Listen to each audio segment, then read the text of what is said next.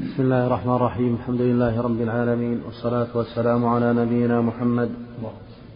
قال الإمام مسلم رحمه الله تعالى حدثنا يحيى بن يحيى قال قرأت على مالك عن ابن شهاب عن عروة عن عائشة رضي الله عنها أن رسول الله صلى الله عليه وسلم كان يصلي بالليل إحدى عشرة ركعة يوتر منها بواحدة فإذا فرغ منها اضطجع على شقه الأيمن.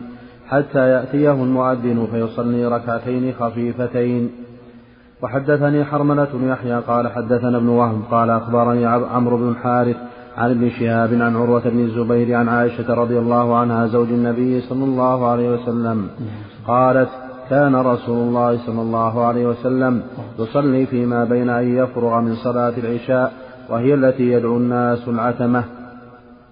إلى الفجر إلى الفجر إحدى عشرة ركعة يسلم بين كل ركعتين ويوتر بواحدة. فإذا سكت المؤذن من صلاة الفجر وتبين له الفجر وجاءه المؤذن قام فركع ركعتين خفيفتين ثم اضطجع على شقه الأيمن حتى يأتيه المؤذن للإقامة. وحدثنيه حرملة قال أخبرنا ابن وهب قال أخبرني قال أخبرني يونس عن ابن شهاب بهذا الإسناد وساق حرملة الحديث بمثله. غير أنه لم يذكر وتبين له الفجر وجاءه المؤذن ولم يذكر الإقامة وسائر الحديث بمثل حديث عمرو سواء. وحدثنا أبو بكر بن أبي شيبة وأبو كريب قال حدثنا عبد الله بن نمير حاء وحدثنا ابن نمير قال حدثنا قال حدثنا أبي قال حدثنا هشام عن أبيه عن عائشة رضي الله عنها قالت كان رسول الله صلى الله عليه وسلم يصلي من الليل ثلاث عشرة ركعة يوتر من ذلك بخمس لا يجلس في شيء إلا في آخرها. وحدثنا أبو بكر بن أبي شيبة قال حدثنا عبدة بن سليمان حاء وحدثناه أبو كريب أبو كريب.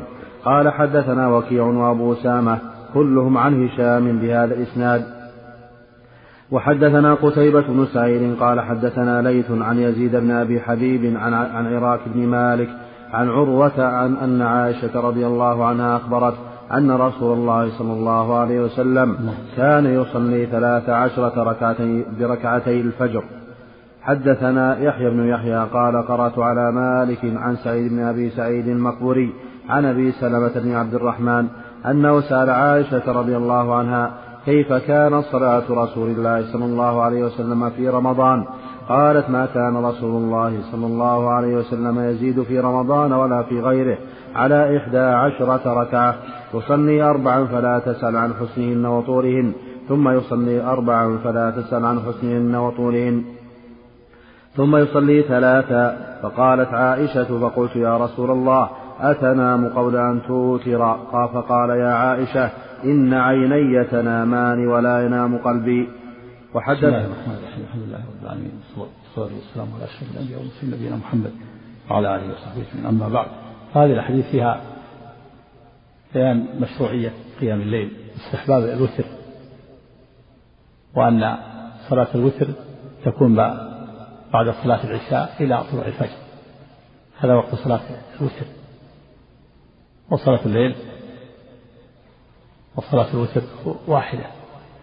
وصلاة الليل كان النبي يوتر بإحدى عشرة ركعة وبثلاث عشرة ركعة. تسمى صلاة الليل وتسمى صلاة الوتر. صلاة الوتر مؤكدة. وتر يعني يوتر بواحدة في آخر صلاة الليل. فهي صلاة الليل ويوتر في آخرها بواحدة وكان النبي صلى الله عليه وسلم يحافظ على قيام الليل. وكان في الغالب يصلي إحدى عشرة ركعة عليه الصلاة والسلام كما في حديث عائشة ما كان يزيد في رمضان ولا في غيره على إحدى عشرة ركعة يعني في الغالب. وربما زاد كما سبق في حديث عائشة أنه أوتر بثلاث عشرة ركعة. صلى ثلاث عشرة ركعة أوتر منهن بواحدة وفي الحديث الآخر أنه صلى ثلاث عشرة ركعة منهن ركعتي الفجر. تكون صلاة الوتر إحدى عشرة ركعة. وربما نقص وربما زاد عليه الصلاة والسلام.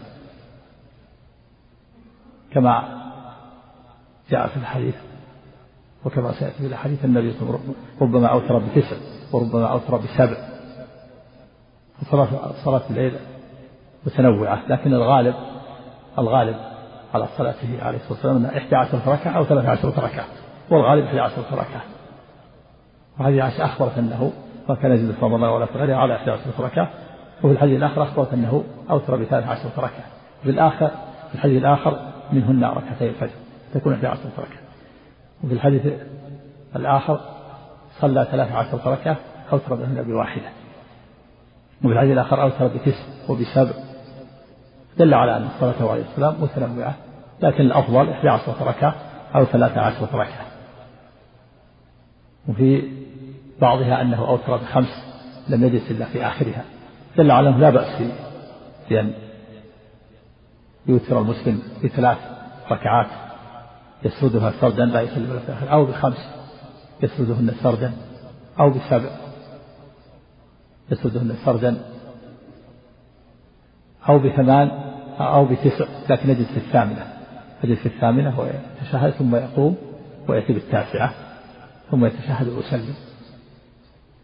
كل هذا ثابت عن النبي صلى الله عليه وسلم. في الحديث الأخير أنه يصلي إحدى عشرة ركعة يصلي أربعا فلا تسأل عن وطولهن. ثم يصلي أربعا فلا تسأل عن وطولهن. لأنه عليه السلام يحسنها ويقيمها ويطيلها. كانت صلاة طويلة عليه الصلاة والسلام. كما سبق أنه عليه الصلاة والسلام كان صلاته متنوعة في الليل. ربما صلى قائما وربما صلى قاعدا. كما سبق أنه عليه الصلاة والسلام كان يصلي ليلا طويلا قائما وليلا طويلا قاعدا. وربما جلس صلى جالسا. وقرأ فإذا بقي عليه قدر ثلاثين آية أو أربعين آية قام فقرأها ثم ركع.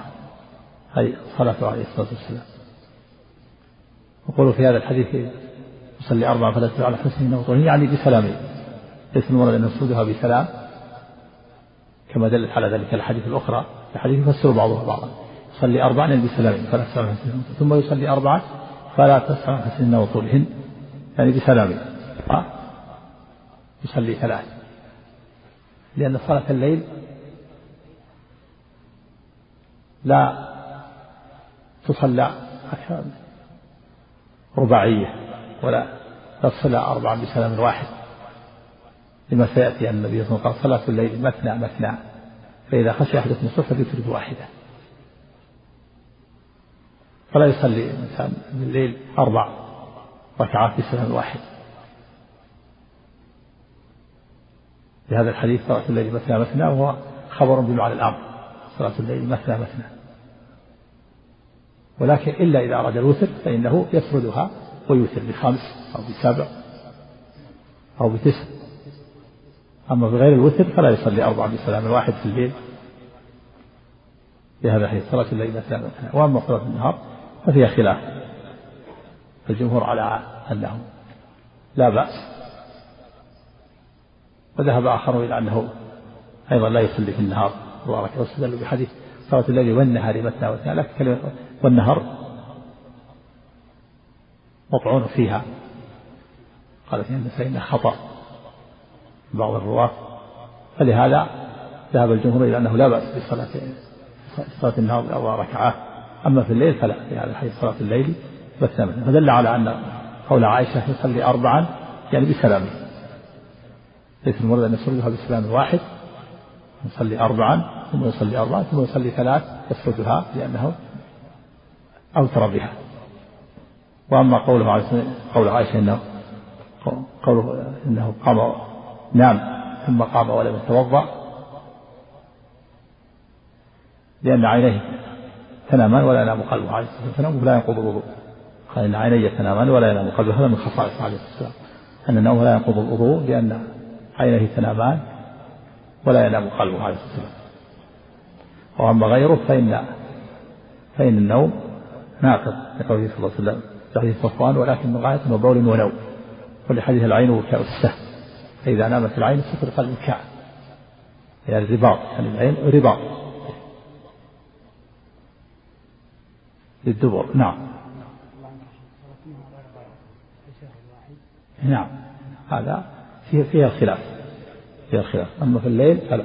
فلا يصلي. أربع ركعات بسلام واحد. نعم. هذا هي صلاة الليل مثنى مثنى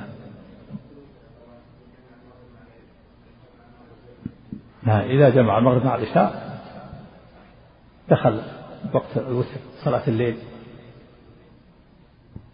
لا بأس. إذا جمع قدم العشاء مع المغرب فله أن يوتر بعد ذلك. لأن الوتر بعد صلاة العشاء وقد صلى العشاء.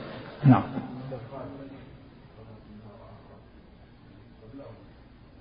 فيها خلاف الجمهور يرون أنه لا بأس لأن رواية صلاة الليل والنهار كلمة النهار مطعون فيها.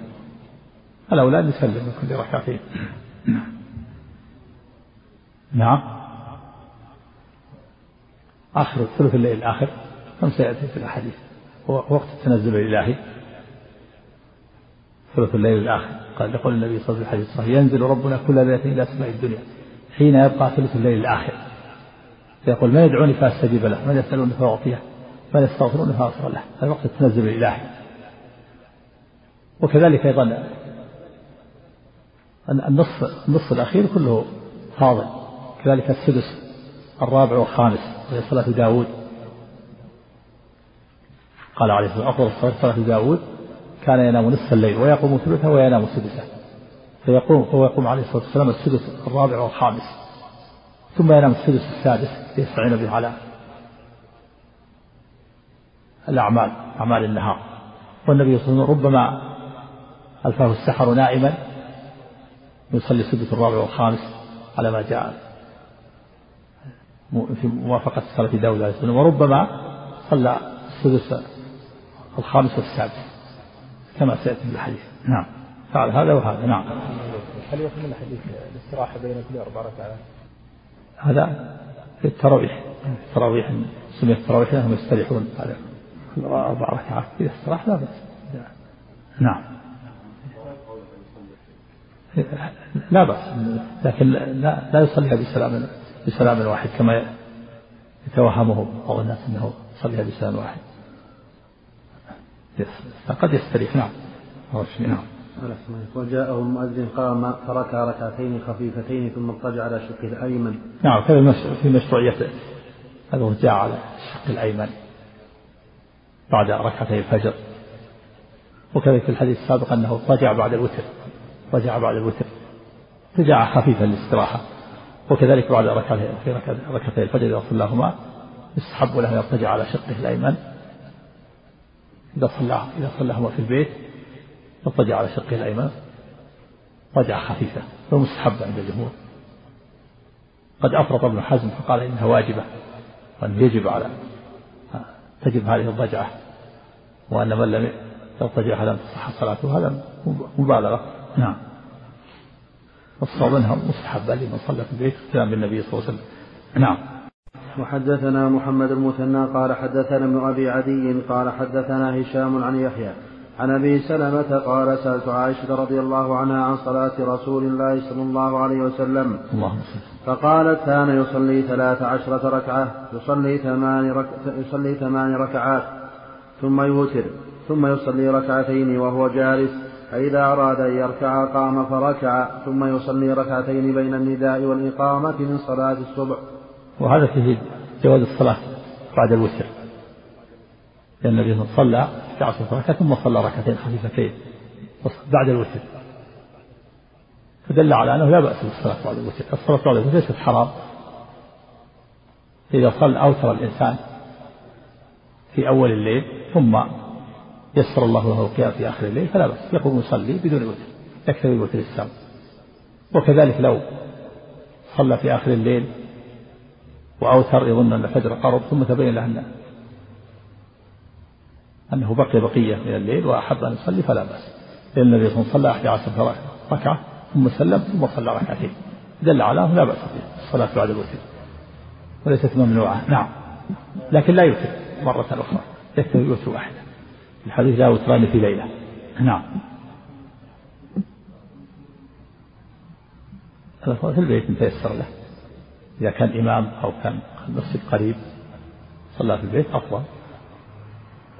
وين وين صلى؟ في المسجد فلا حرج. نعم إذا خشي أن تفوته الصلاة أو صلاها في البيت أو يفوته تقدم صلي في المسجد. نعم. في البيت. نعم. نعم. ما لا أعلم أن الصحابة كانوا يضطجعون في في مسجد النبي صلى الله عليه وسلم. نعم. هذه أحسن الله إليك. قولها قولها ثلاث عشرة ركعة كاملة ليست في ركعتي الفجر. نعم جاء هذا وهذا. جاء أنه الحديث السابق أنه صلى ثلاث عشرة ركعة أوتر منهن بواحدة والحديث الثاني أنه صلى ثلاث عشرة يوتر بإحدى عشرة ركعة ثم صلى ركعتين. نعم. الله لا يضطجع لأنه لم ينقل أن الصحابة كانوا يضطجعون في المسجد في مسجد النبي صلى الله عليه وسلم. نعم.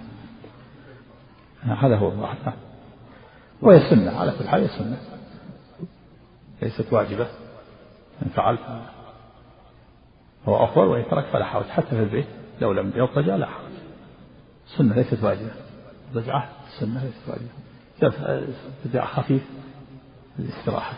وكذلك في بعد صلاة الليل كما في الحديث السابق النبي اضطجع لما صلى أحد عشر ركعة اضطجع على شركة الأيمن جاء هذا في صلاة الليل وفي الحديث اللي مرنا الآن أنه اضطجع لما صلى أحد عشر ركعة اضطجع نعم.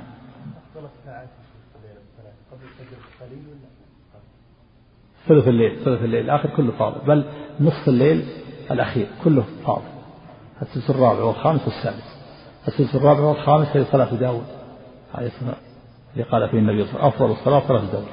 كان ينام نصف الليل ويقوم ثلثه يعني السدس الرابع والخامس وينام سدسه السدس الأخير الثالث ليستعين به على أعمال النهار. والنبي صلى الله عليه وسلم ربما فعل هذا وربما فعل كما سيأتي في الأحاديث أن أنه عليه الصلاة والسلام تقول عائشة ما ألفه السحر الأعلى إلا نائما. يعني أنه يصلي السدس الرابع والخامس ثم يستريح السدس الثالث يتقوى به على أعمال النهار وأحيانا يصلي السدس الخامس والسادس كما جاء في أن النبي صلى الله عليه وسلم كان يصلي إلى حتى يأتيه بلال. نعم. بعض الأئمة. نعم. وقف الساعة. توقيت عليك السدس نعم يعرف من من غروب الشمس إلى طلوع الفجر. هذا الليل يقسم نصفين يختلف هذا يختلف الشتاء والصيف والربيع والخريف في الليل الشتاء يكون الليل طويل.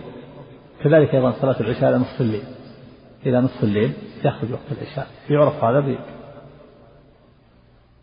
بأن يقسم الليل من غروب الشمس إلى طلوع الفجر. يقسم نصفين فمثلا إذا كان غروب الشمس الآن الساعة مثلا خمس. 13 دقيقة وأذان الفجر على خمس لا إلا ثلث. كم يكون؟ يعني قريب من 12 إلا أو 11 ساعة ونصف تقسمها. يكون مثلا خمس ساعات وربع تقريبا هذا نصف الليل. هكذا. لكن في الصيف أقل الصيف يكون الليل قصير. وفي الربيع وفي الخريف هذا يختلف. الليل يكون طويل ويكون قصير ويكون ويتساويان في يستويان الليل والنهار في في فصل الربيع وفي فصل الخريف. ويطول الليل في فصل الشتاء ويطول النهار في فصل الصيف. يختلف هذا. نعم. ولهذا الشتاء طويل. في غنيمة للمؤمن. ينام ويصلي الليل طويل. نعم. بعض الناس في رمضان لا يزيد على 11 ركعة استنادا على قول عائشة. إذا إذا صلى من صلاة النبي صلى الله عليه وسلم. طيب النبي كان يطيل عليه الصلاة والسلام. جاء في حديث في حديث بيت أنه قرأ البقرة وآل عمران والنساء في ركعة واحدة. ترتيب لا يأمر بآية رحمة إلا وقف يسأل ولا بآية عذاب إلا وقف يفعل ولا بآية تسبيح إلا وقف يسبح. ثم ركع فكان ركوعه طويلا قريبا من قيامه.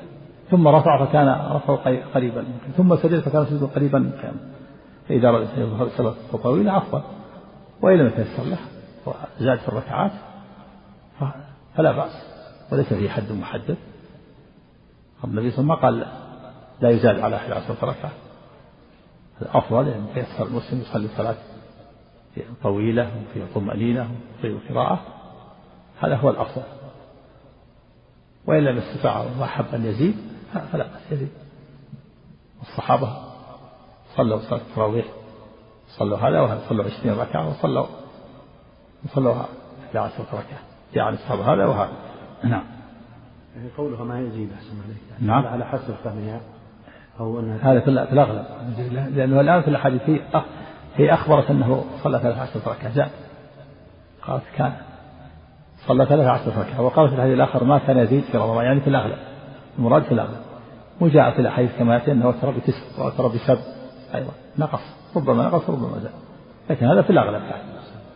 ربما في الأغلب أنه ما كان يزيد في رمضان ولا غيره على 11 في الغالب. وربما زاد كما في حديث هي أخبرت أن أوتر ب 13 ركعة. الحديث الذي قرأته الآن أوتر ب 13 ركعة. الحديث الأول أوتر منه النبي واحد الحديث الثاني أو ب 11 ركعة وصلى ركعتين بعدها نعم. وحدثني زهير بن حرب قال حدثنا حسين بن محمد قال حدثنا شيبان عن يحيى قال سمعت أبا سلمة حاء وحدثني يحيى بن بشر الحريري. حدث قال حدثنا معاوية يعني بن سلام عن يحيى بن أبي كثير قال أخبرني أبو سلمة أنه سأل عائشة رضي الله عنها عن صلاة رسول الله صلى الله عليه وسلم بمثله. غير أن في حديثهما تسع ركعات قائما يوتر منهن. هذا تسع ركعات صلى بتسع ركعات. أوتر بتسع ركعات وأوتر بسبع وأوتر بإحدى عشرة ركعة وأوتر بثلاث عشر ركعة. دل على صلاة متنوعة. ربما أوتر بتسع وربما أوتر على حسب نشاطه. وربما أوتر بتسع وربما أوتر بسبع وربما أوتر بإحدى عشرة وربما أوتر بثلاث عشرة. لكن في الغالب إحدى عشرة. إحدى عشرة ركعة أو ثلاث عشرة ركعة. هذا هو الغالب. نعم. حدثنا حدثنا ابن نمير قال حدثنا أبي قال حدثنا حنظلة عن القاسم بن محمد قال سمعت عائشة رضي الله عنها تقول كانت صلاة رسول الله صلى الله عليه وسلم من الليل عشر ركعات ويوتر بسجدة ويركع ركعتي الفجر. سجدة يعني ركعة. مرض بالسجدة الركعة. لأنها أهم أركان الركعة. وفق على الركعة سجدة لأنها أهم أركانها. السجود أهم الأركان. نعم. و... ها؟ حديث قبل هذا. وحدثنا عمرو الناقد قال حدثنا سفيان بن عيينة عن عبد الله بن أبي لبيد. سمع أبا سلمة قال أتيت عائشة رضي الله عنها فقلت أي أمة أي أي أي أمة أي أمة؟ أي فقلت أي. أي أمة أي أمة. أي أمة أي حرفية يعني يا أمة لأن أم المؤمنين خاطبها يناديها يا أي أمة أي من حروف النداء ونادي من تدعو بياء أو بآية أو همزة أو أي وإن شئت هيا كل هذه حروف النداء أي هيا هيا أي من حروف النداء أي أمة يعني يا أمة. يا هيا هيا أي ها الهمزة كلها من حروف النداء. أي أمة يعني يا أمة. لأنها أم المؤمنين. عائشة نعم. فقلت أي أمة أخبريني عن صلاة رسول الله صلى الله عليه وسلم؟ فقالت كانت صلاته في شهر رمضان وغيره ثلاث عشرة ركعة بالليل منها ركعة الفجر. نعم. فتكون 11 ركعة يوتر وركعتين ركعة الفجر. والحديث الآخر أنه أوتر منها بواحدة. تقول ثلاث عشرة ركعة صلاة الليل. نعم.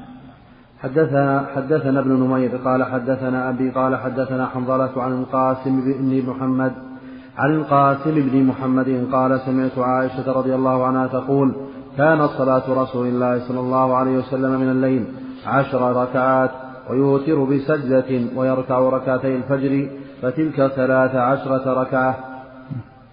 وحدثنا أحمد بن يونس قال حدثنا زهير قال حدثنا ابن أبو إسحاق حاء وحدثنا يحيى بن يحيى قال أخبرنا أبو خيثمة عن أبي إسحاق قال سألت الأسود بن يزيد عما حدثته عائشة رضي الله عنها عن صلاة رسول الله صلى الله عليه وسلم.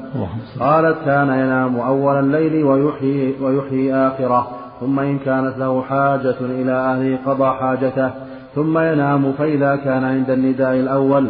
قالت وتب ولا والله ما قالت قام فأفضى عليه الماء. ولا والله ما فأفضى.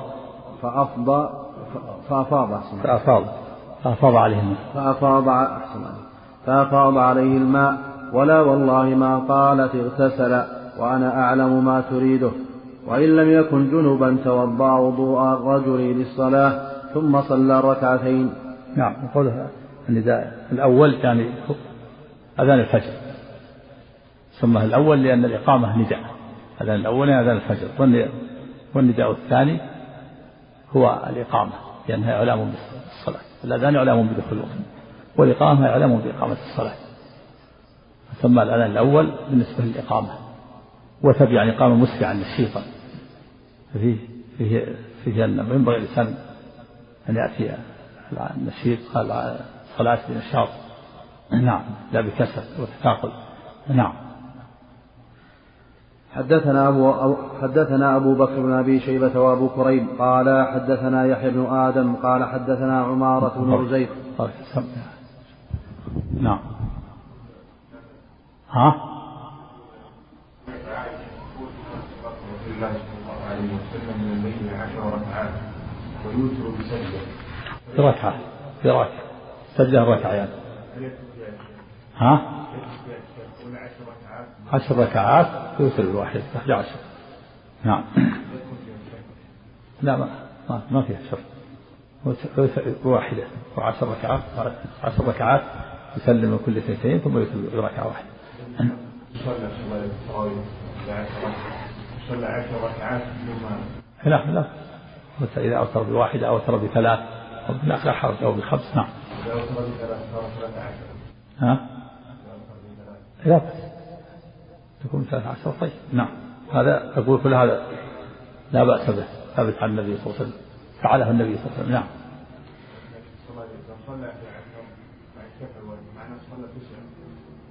الأمر في هذا واسع.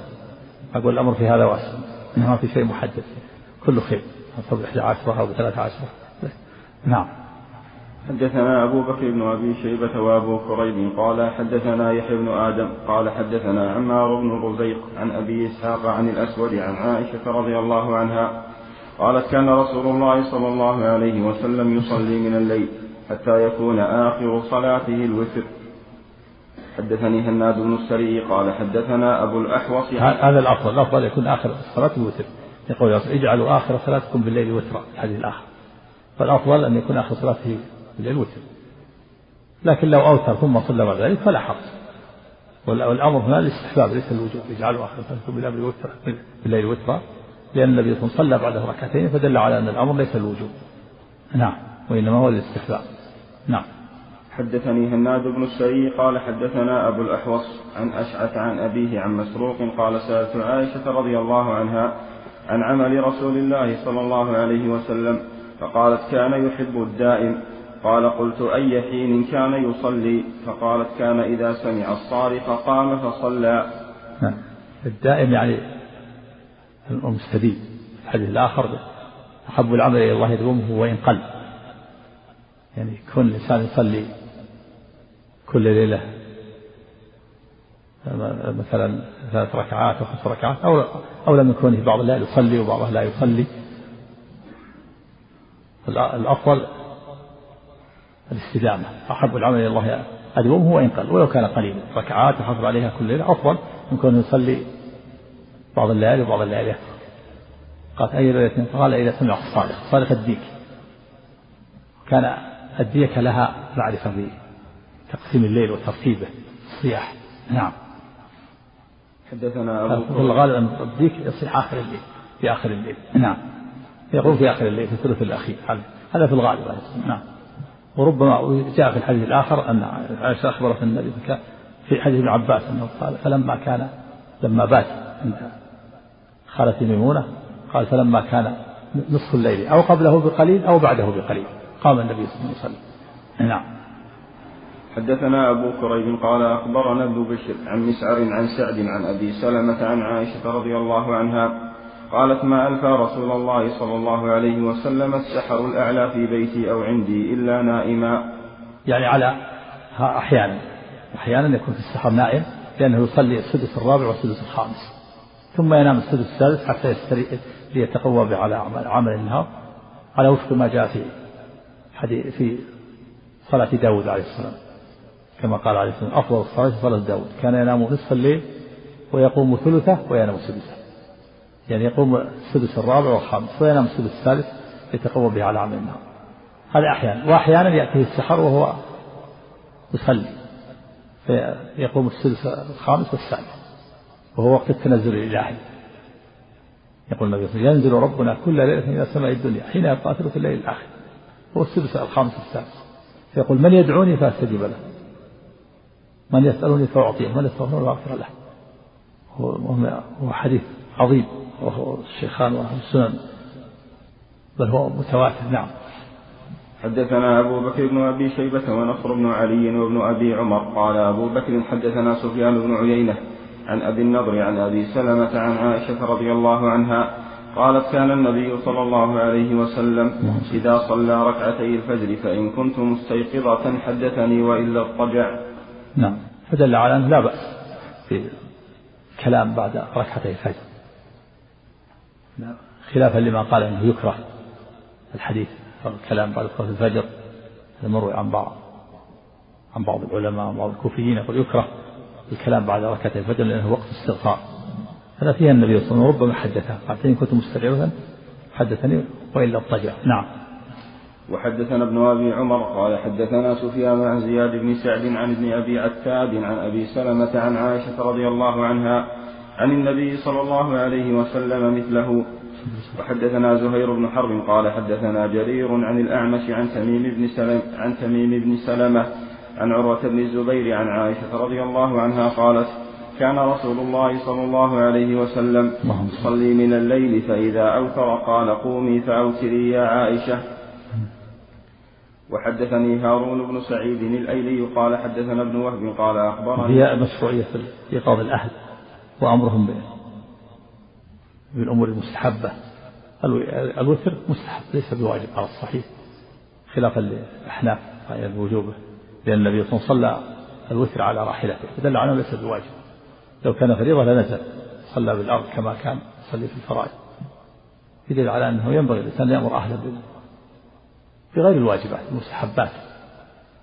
يقرضهم بصلاة الليل الوتر يأمرهم بصلاة الضحى. التعاون على الخير التعاون على البر والتقوى. نعم. وحدث قال عائشة من كل الليل أوتر رسول الله صلى الله عليه وسلم من أوله وآخره وانتهى وتره إلى السحر. استقر.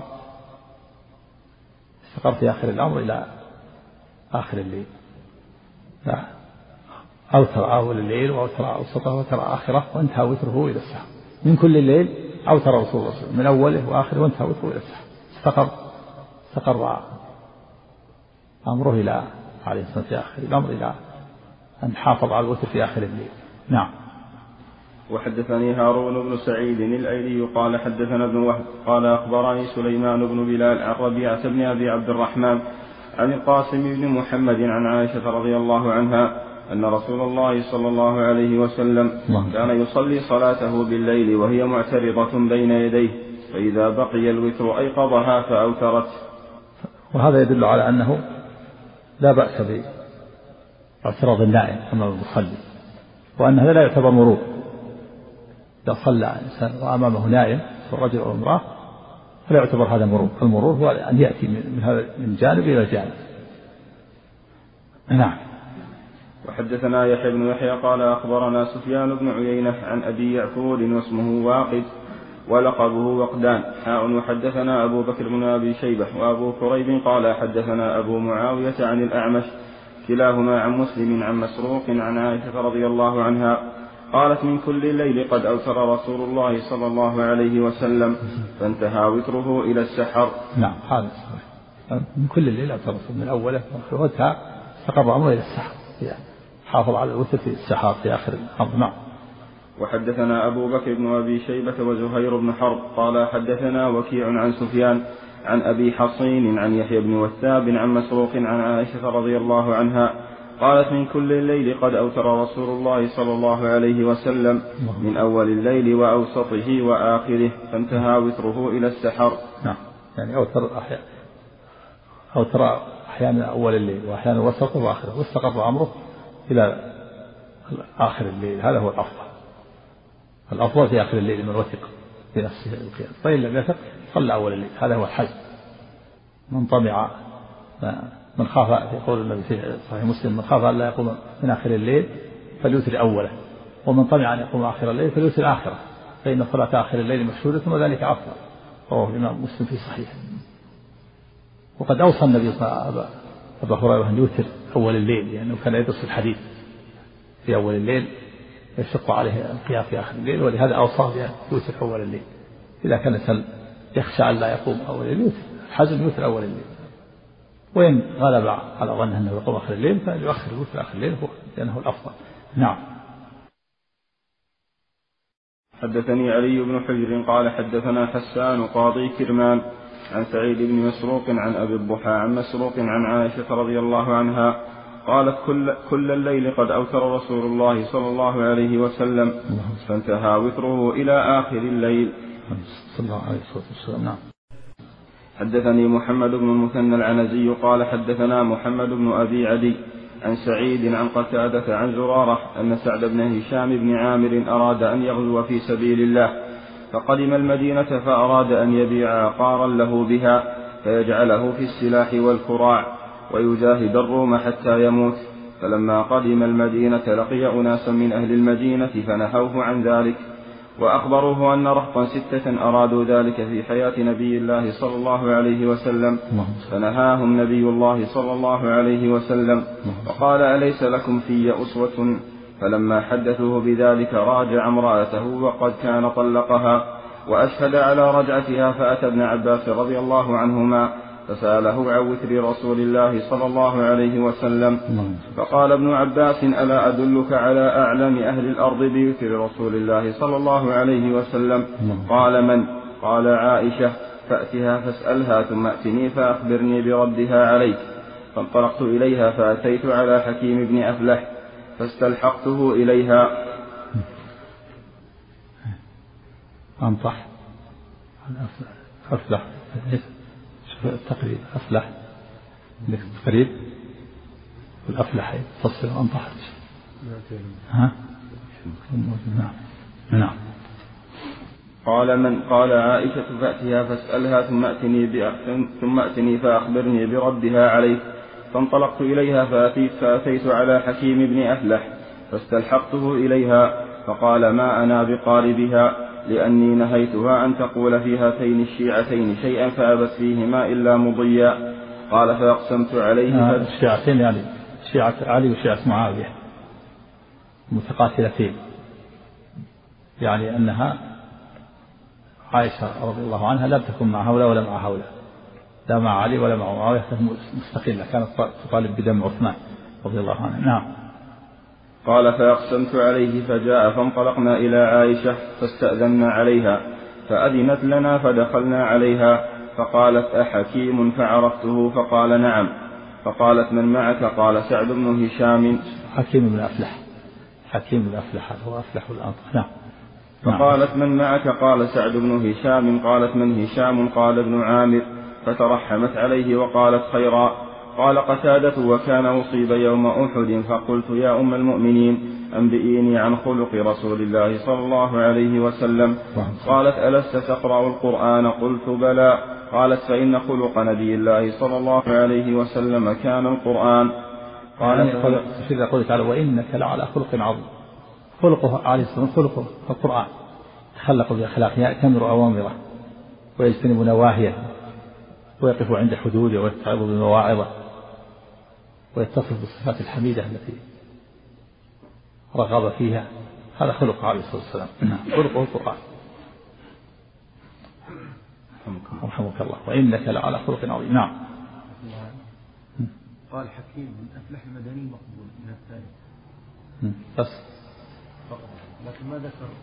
ما في حكيم بالأنطح ما ذكر. لكن ما ذكر مسلم إنه من روايه مسلم ها؟ رمز له أطلاق بالبخاري في أخلاق في الابن إيه لأنه ما روى ما له رواية. ابن ماجه ذكر ابن ماجه هنا ما له رواية. لكن بس ما له رواية. لا سعد بن هشام. لأنه ما له ولا في أنطح ما ذكر أنطح ما ما في حكيم لا ما في. نعم نعم كان هذا لا عندنا لا تقريبا شوف الآن. واضح. في شيء؟ كلك واحد نعم. ها؟ يمكن يمكن الوهم بيده نعم. نعم. قال فهممت أن أقوم ولا أسأل أحدا عن شيء حتى أموت. ثم بدا لي فقلت أنبئيني عن قيام رسول الله صلى الله عليه وسلم. فقالت ألست تقرأ يا أيها المزمل؟ قلت بلى. قالت فإن الله عز وجل افترض قيام الليل في أول هذه السورة فقام نبي الله صلى الله عليه وسلم وأصحابه حولا وأمسك الله خاتمتها اثني عشر شهرا في السماء حتى أنزل الله في آخر هذه السورة التخفيف فصار قيام الليل تطوعا بعد فريضة.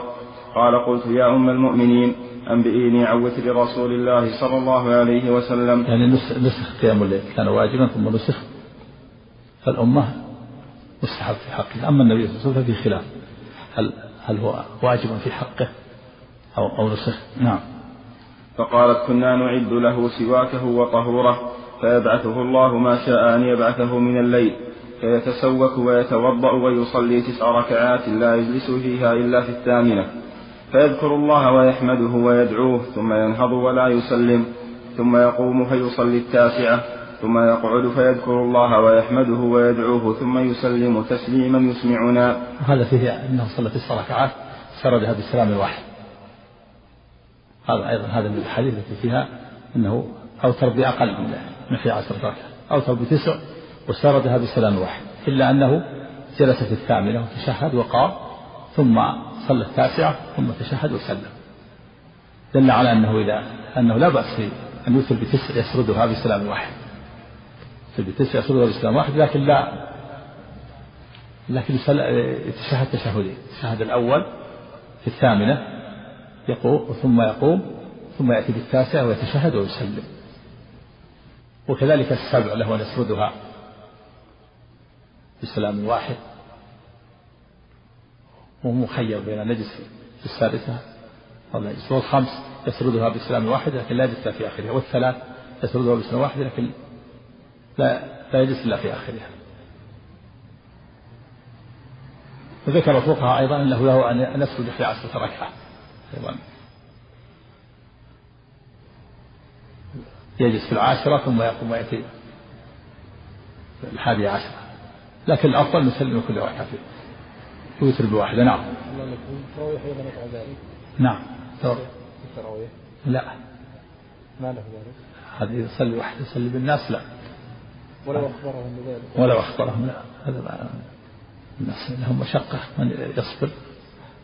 إذا تصلي واحدة كتب الخيار ما تصلي بالناس تصلي 11 ركعة بسلام واحد هذا مشقة على الناس. قد يكون فيه مريض وفيه من له حاجة وفيه من آه، يحتاج إلى إذا إذا دفعه البول أو غيره تصلي بالناس 11 ركعة. هذا واحد. صلي وحدك في إذا صليت وحدك تعمل هذا. نعم. وفي الناس صلاة نعم. هي أجل أجل من الناس. هم محمول هذا صريح صريح في هذا. المسألة ما فيها أنه صلى بالناس. صلى في بيته. في صلاة عائشة تقبل صلاة في البيت هم تقبل صلاة مع الناس. عائشة تقبل صلاتها في بيتها نعم. ثم يسلم. نعم.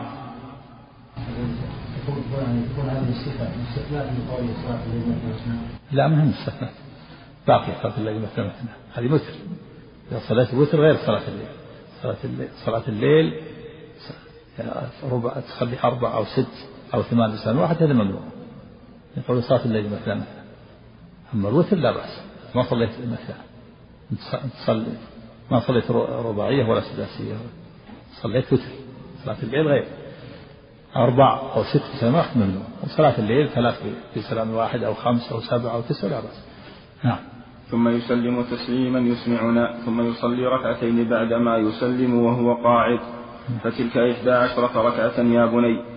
فلما سن نبي الله صلى الله عليه وسلم وأخذه اللحم أوتر بسبع وصنع في الركعتين مثل صنيعه الأول. فلما إيش؟ فلما. فلما سن نبي الله صلى الله عليه وسلم نعم وكان وأخذه اللحم أوتر بسبع وصنع في الركعتين مثل صنيعه الأول. نعم. وهذا فيه أنه أوتر بسبع في أحد. أوتر بتسع وأوتر بسبع. هذا كله إجابة على السؤال السابق لأن النبي صلى الله عليه وسلم كان صلاته متنوعة. أوتر بتسع وأوتر بسبع وأوتر بإحدى عشرة وأوتر بثلاث عشرة دل على أن قول ما كان يزيد في رمضان ولا في غيره على أحد عشرة ركعة يعني في الأغلب. نعم. بد بدل نعم. بعضهم قال إنه بدل وغير بدل بدل يعني كبر بدل يعني سمن ما كان سمينا نعم. أوتر بسبع وصنع في الركعتين مثل صنيعه الأول فتلك تسع يا بني. وكان نبي الله صلى الله عليه وسلم إذا صلى صلاة أحب أن يداوم عليها. وكان إذا غلبه نوم أو وجع عن قيام الليل صلى من النهار ثنتي عشرة ركعة. ولا أعلم نبي الله صلى يعني الله إذا إذا نام عن صلاة الليل عن وتره إما لمرض أو لانشغال أو لغلبة النوم فإنه يصلي صلاته بالليل يصليها في الضحى لكن يشفعه بركعة ما يصلي وتر. كان يصلي 11 ركعة يزيد ركعة يصلي 12 وهكذا. فالإنسان إذا نام عن صلاة الليل يصلي في الضحى لكن يشفعه بركعة. إذا كان يوتر بثلاث يزيد ركعة يصلي أربعة. يوتر بخمس يزيد ركعة يصلي ست يشفع بركعة. يوتر بسبع يزيد ركعة ثمان. بتسع يزيد ركعة عشر. إذا عشرة يزيد ركعة. يشفع بركعة نعم. ولا أعلم نبي الله صلى الله عليه وسلم قرأ القرآن كله في ليلة ولا صلى ليلة إلى الصبح ولا صام شهرا كاملا غير رمضان. نعم يستثنى من هذا ما صلى ولا قام ليلة الصبح يستثنى من هذا العصر الأواخر من رمضان. كما ثبت في الحديث أن النبي صلى الله عليه وسلم عن عائشة قالت كان إذا دخل العصر أحيا الليل وشد المئزر وأيقظ أهله. هذا خاص. قال ولا أعلم أنه صام شهرا كاملا يستثنى من شعبان. الحديث الآخر كان يصوم شعبان كله كانت تصوم شعبان إلا قليلا. هذا مستثنى. نعم. إيش؟ ولا أعلم. إيش؟ ولا أعلم, ولا أعلم نبي الله صلى الله عليه وسلم قرأ القرآن كله في ليلة. نعم. ولا صلى ليلة إلى الصبح. ولا صام شهرا كاملا غير رمضان. نعم. قال فانطلقت إلى ابن عباس فحدثته بحديثها فقال صدقت. لو كنت أقربها أو أدخل عليها لأتيتها حتى تشافهني به. قال قلت لو علمت أنك لا تدخل عليها ما حدثتك حديثها. وكانت حجرته. ابن عباس. نعم. نعم. وحدثنا محمد بن المثنى قال حدثنا معاذ بن هشام قال حدثنا قال حدثني أبي عن قتادة عن زرارة بن أوفى عن سعد بن هشام أنه طلق امرأته ثم انطلق إلى المدينة ليبيع عقاره فذكر نحوه. وحدثنا أبو بكر بن أبي شيبة قال حدثنا محمد بن بشر قال حدثنا سعيد بن أبي عروبة قال حدثنا قتادة عن زرارة بن أوفى عن سعد بن هشام أنه قال انطلقت إلى عبد الله بن عباس رضي الله عنهما فسألته عن الوتر وساق الحديث بقصته وقال فيه قالت من هشام؟ قلت ابن عامر. قالت نعم المرء كان عامر أصيب يوم أحد. وحدثنا إسحاق بن إبراهيم قال ومحمد بن رافع كلاهما عن عبد الرزاق. قال أخبرنا معمر عن قتادة عن زرارة بن أوفى أن سعد بن هشام كان جارا له فأخبره أنه طلق امرأته. واقتص الحديث بمعنى حديث سعيد وفيه. قالت من هشام؟ قال ابن عامر. قالت نعم المرء كان أصيب مع رسول الله صلى الله عليه وسلم يوم أحد. وفيه فقال حكيم بن أفلح أما إني لو علمت أنك لا تدخل عليها ما أنبأتك بحديثها. حدثنا سعيد بن منصور وقتيبة بن سعيد جميعا عن أبي عوانة. قال سعيد حدثنا أبو عوانة عن قتادة عن زرارة بن أوفى. عن سعد بن هشام عن عائشة رضي الله عنها أن رسول الله صلى الله عليه وسلم كان إذا فاتته الصلاة من الليل من وجع أو غيره صلى من النهار صلى من النهار ثنتي عشرة ركعة.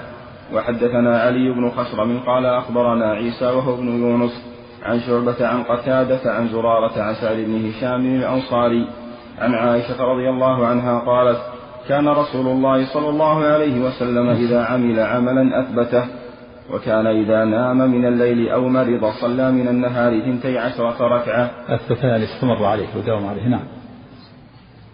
قالت وما رأيت رسول الله صلى الله عليه وسلم قام ليلة حتى الصباح وما صام شهرا متتابعا إلا رمضان.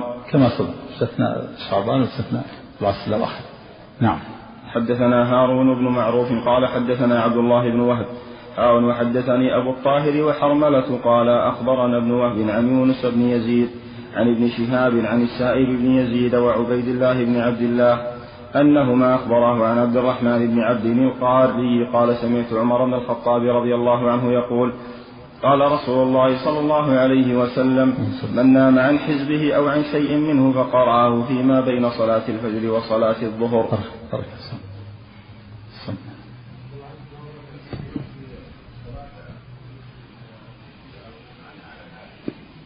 لا. كما كما سمعت في الحديث. يصلي بنا ثنتي عشرة ركعة يشفع بركعة هذا الحديث. ثابت ها؟ لا شك. ما في الصحيح مقدم عليه. نعم. نعم. نعم هذا ما ما هذا نعم هذا هو وقت نعم سم. نعم. لا من من أقرانه ولهذا ما روى عنه إلا قال لي أحمد في الموضعين قال لي أحمد في المذاكرة لأنه شارك في شيوخه في كثير من شيوخه بخلاف مسلم فإنه روى عن أحمد. مسلم أحمد بن شيوخ كذلك الترمذي. أبو داود أما البخاري فإنه ما روى عن الإمام أحمد لأنه شارك في شيوخه. ولهذا في الموضعين قال لي قال لي أحمد بن محمد مذاكرة في موضعين. صحيح. ولم يروا عنه لأنه شارك في شيوخه. نعم. سم. إيه. يعني استدلوا الله عليه وسلم على التبتل.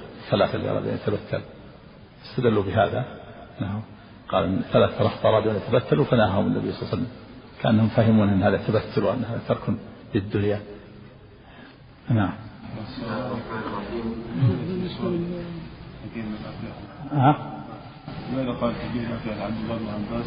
ما اني لو علمت انك لا تدخل عليها. ما انبأتك بحديث الله أعلم. نعم. الشيخ في الحديث هذا قال ابي هريره هذا ان يسال قال اذا قضى الله الامر في مرة وكان لا. يكون بهذا الانتحار إيش فيه؟